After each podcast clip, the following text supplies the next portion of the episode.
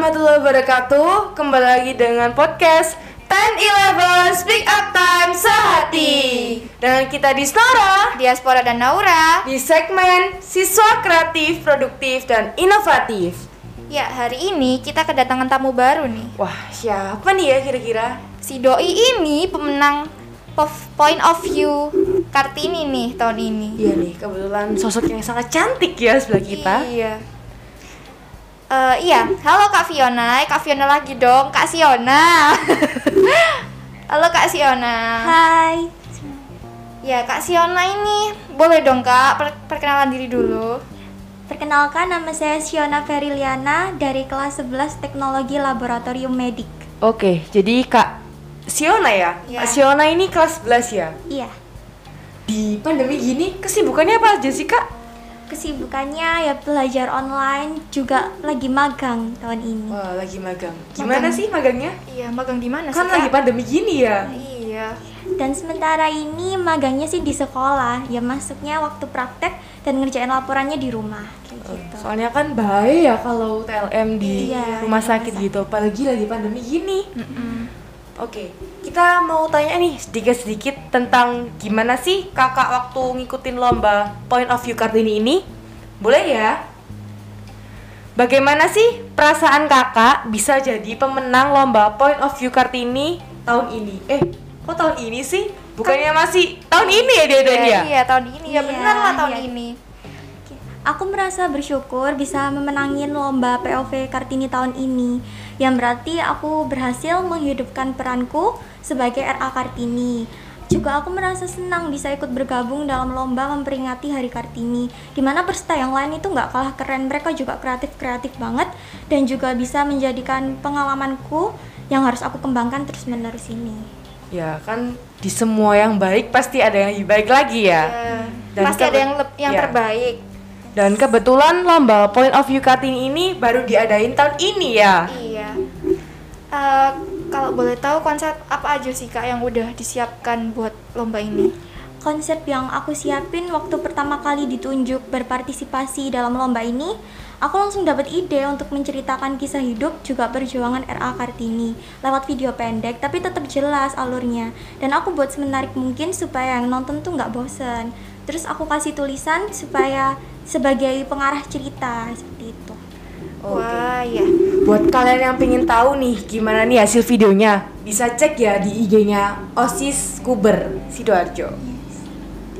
Apa sih kesulitan kakak waktu buat video ini? Pasti ada dong ya. Ya pasti banyak banget. Kesulitan awalnya tuh kekurangan properti ya, kayak kebaya warna putih gitu. Karena setauku RA Kartini tuh identik sama kebaya warna putih. Gimana caranya aku muter otak harus semirip mungkin dengan RA Kartini. Akhirnya aku pikir-pikir lagi buat video pahlawan lebih bagus tuh pakai filter hitam putih monokrom ya. Dan akhir akhirnya kebaya warna apa pun tuh bisa dipakai. Terus kesulitan selanjutnya tuh di pencahayaan. Apalagi ini kan lombanya online, terus mau nggak mau kita harus kerjainnya di rumah toh. Waktu buat di sini tuh terlalu gelap, di sini terlalu terang gitu. Oke. Iya. Apa ada kesulitan nggak nih untuk cari tempat buat syuting ini? Iya, apalagi kalau covid gini kan nggak boleh ke mana-mana, ke tempat umum juga bahaya. Jadi Ya, aku bahaya ngerjainnya di ya. dalam rumah. Oke oke. Iya. Apa yang Kakak rasakan waktu memeran- memerankan sosok Kartini ini? Hmm, di mana Kartini ini seorang wanita yang punya rasa tak punya rasa takut ya. Padahal di zaman itu wanita tidak diperbolehkan belajar bahkan mengangkat suaranya. Namun sosok Kartini sungguh luar biasa. Aku merasakan seberapa sesaranya wanita di zaman itu. Namun tekad Kartini untuk membela kaum wanita itu hingga akhir hidupnya sungguh ters aku tersenduh merasakannya itu. Iya. Ya, kalau nggak ada RA Kartini, mungkin kita nggak ada di iya, sini kita ya. Masih di dapur ya. Ya nggak bisa kita duduk di bangku SMK sini. Iya. Bagaimana sih cara kita melestarikan budaya serta mengembangkan perjuangan yang telah dilakukan oleh RA Kartini menurut kakak?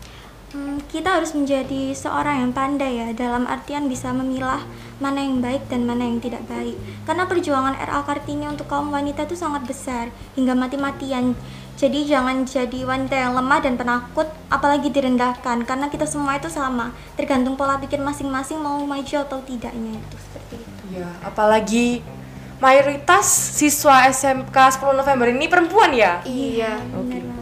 Jadi jangan mau kalah nih para perempuan sama para laki-laki. Kita meskipun perempuan, kita bisa memimpin loh. Tapi kita tidak boleh menginjak-injak kaum laki juga. Iya, nggak boleh saling menginjak dong. Ya, harus setara lah ya. Iya. Now, kita belum makanin ayam loh. Oh iya nih, aku lupa nih ya. Wah, gimana nih? Kayaknya udah cukup deh ya waktunya buat kita podcast kali ini. Iya. Terima kasih Kak Siona. Semoga podcast hari ini dapat menginspirasi teman-teman sekalian, khususnya siswa-siswi SMK 10 November Sidoarjo, Kami di Snora, Diaspora dan Naura. sampai jumpa lagi di segmen selanjutnya dengan banyak siswa-siswi berprestasi lainnya. Kami akhiri. Wassalamualaikum warahmatullahi wabarakatuh. Dadah.